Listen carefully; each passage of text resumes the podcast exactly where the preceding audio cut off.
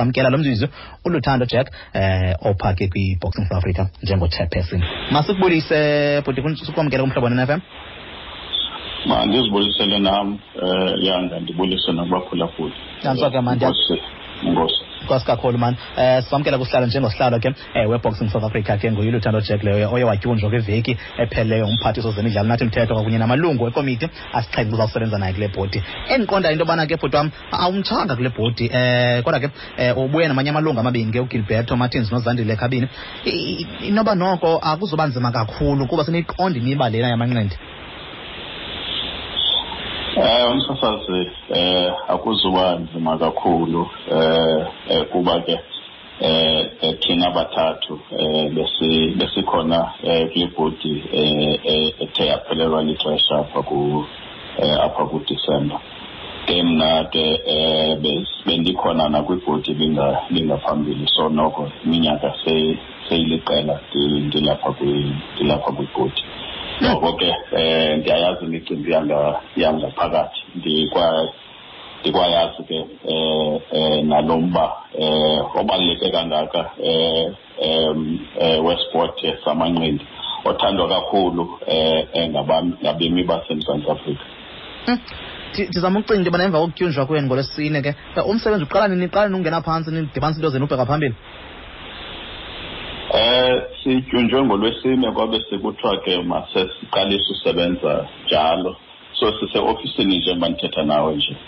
Eh kodwa ke njengosazi uba sityunjwe amathunzi sekenabile eh ngokonyaka lona abantu se- se- sezibhalile indawo ezininzi abantu sebeseziholideyi so ke sawuqala kahle kahle nohlangana eh njengebhodi entsha eh apha ekuqaleni konyaka ka-2021 Hmm, ke mcimbi omkhulu kakhulu endiqonda uba xa uqalile ngoku. I- izicwangciso zakho wena mhlekazi wam um njengena mntu phambili zithini so far? Uqonda uba funesiqale apha sahoyana nemicimbi efana nalena kuqala.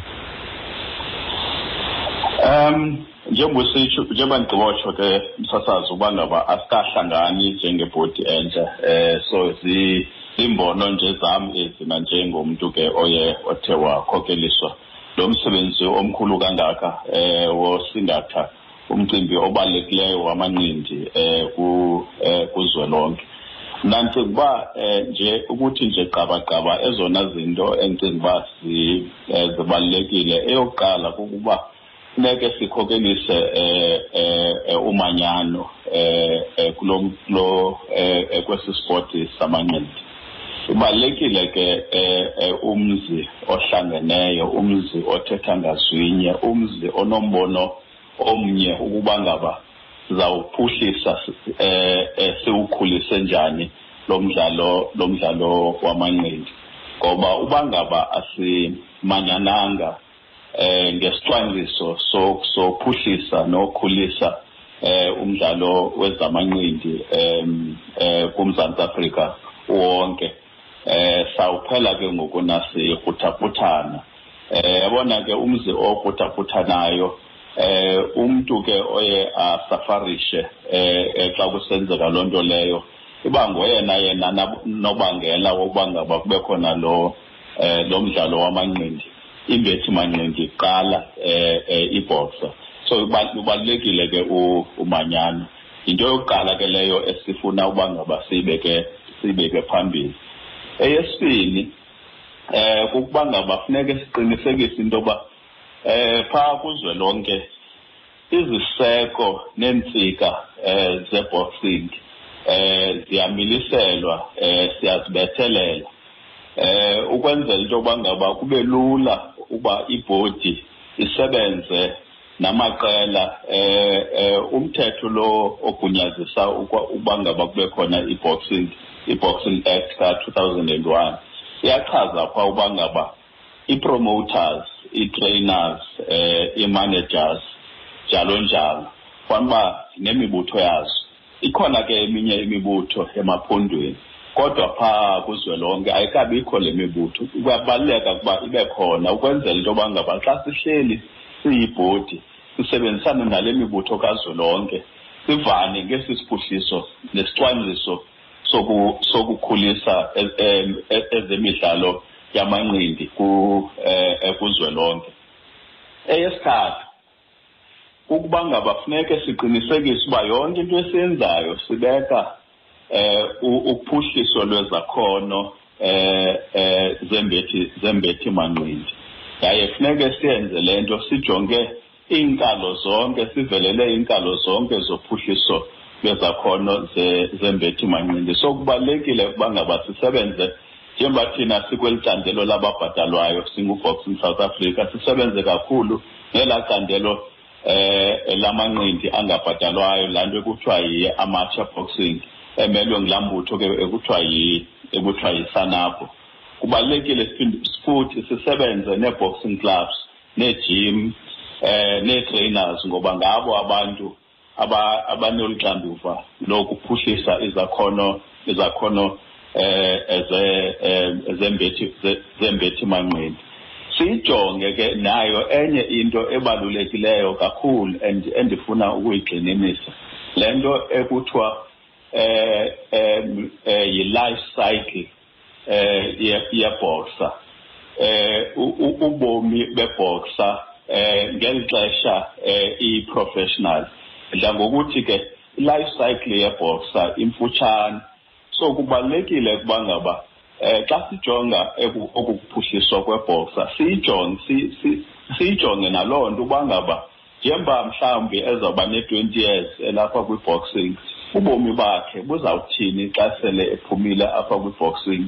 Eh ngoba njengoba usazi msasazi ezinye zeengxaki zemingeni yesport eh ngokubanzi apha ekhaya into yokuba ngaba umntu uyakwazi uba simcelebrate ngeli xesha ase-active kwisport uphuma kwakhe ufumanise uba ngaba ubomi buyatshintsha ngoku. Endaweni uba bukhule buye budodobala. So zezinye zezinto ke endicinga into yoba ngaba funeke sizijonge ezo siyile bhodi engenayo. Enye ke enye ke yile enye into ebalulekileyo eh emsasazi mhlambi eyokugqibela. Yeyokuba siphila kwilizwe elitshintshayo ngokukhawuleza kakhulu. Njengoba ndithetha nawe ngoku ndilapha ekhaya ulapho wena emhlobo wenene. Eh kukho lento kuthiwa yi-technology ekhawulezisa ekhawulezisa izinto. Ibalekile ngokuba siyijonge sile bhodi uba ngaba izawuthini eh i-impact yayo apha kwi-boxing. Yabona kwezinye indawo kwamanye amazwe kuthethwa nge-digital boxing. Eh kuthethwa ngoba xa utrayina eh xa i-boxer itrayina iyakwazi uba ngaba through i-technology ikwazi ujongwa izinto ezithile nento yoba ngaba itraining yayo ingakhawulezisa kangakanani. So asifuni ke uqabuka sekophulwe so yenye yezinto ke funeke siyijonge le nto ye-digital boxing. Okanye ii-implications ze-fourth industrial ze-fourth industrial revolution apha kwi eh, eh, apha kwi-boxing not just eh, kwinto edibene ne-training nakwizinto ezijongene ne-broadcasting ngoba i-broadcasting ngoku nanjengoba usazi nawe msasazi into yoba ngaba ayipheleli nje uba ngaba umhlobo wenene ezasasazela amanqindi u-SABC aveze umabonakude amanqindi zikhona ngoku namanye namanye amacandelo e-broadcasting. Zezinye zezinto ke efuneke sizijonge ezo ukuba ngaba zithetha ukuthini kanye kanye eh emanqindini. Sikwazi uba ngaba sizixhobele.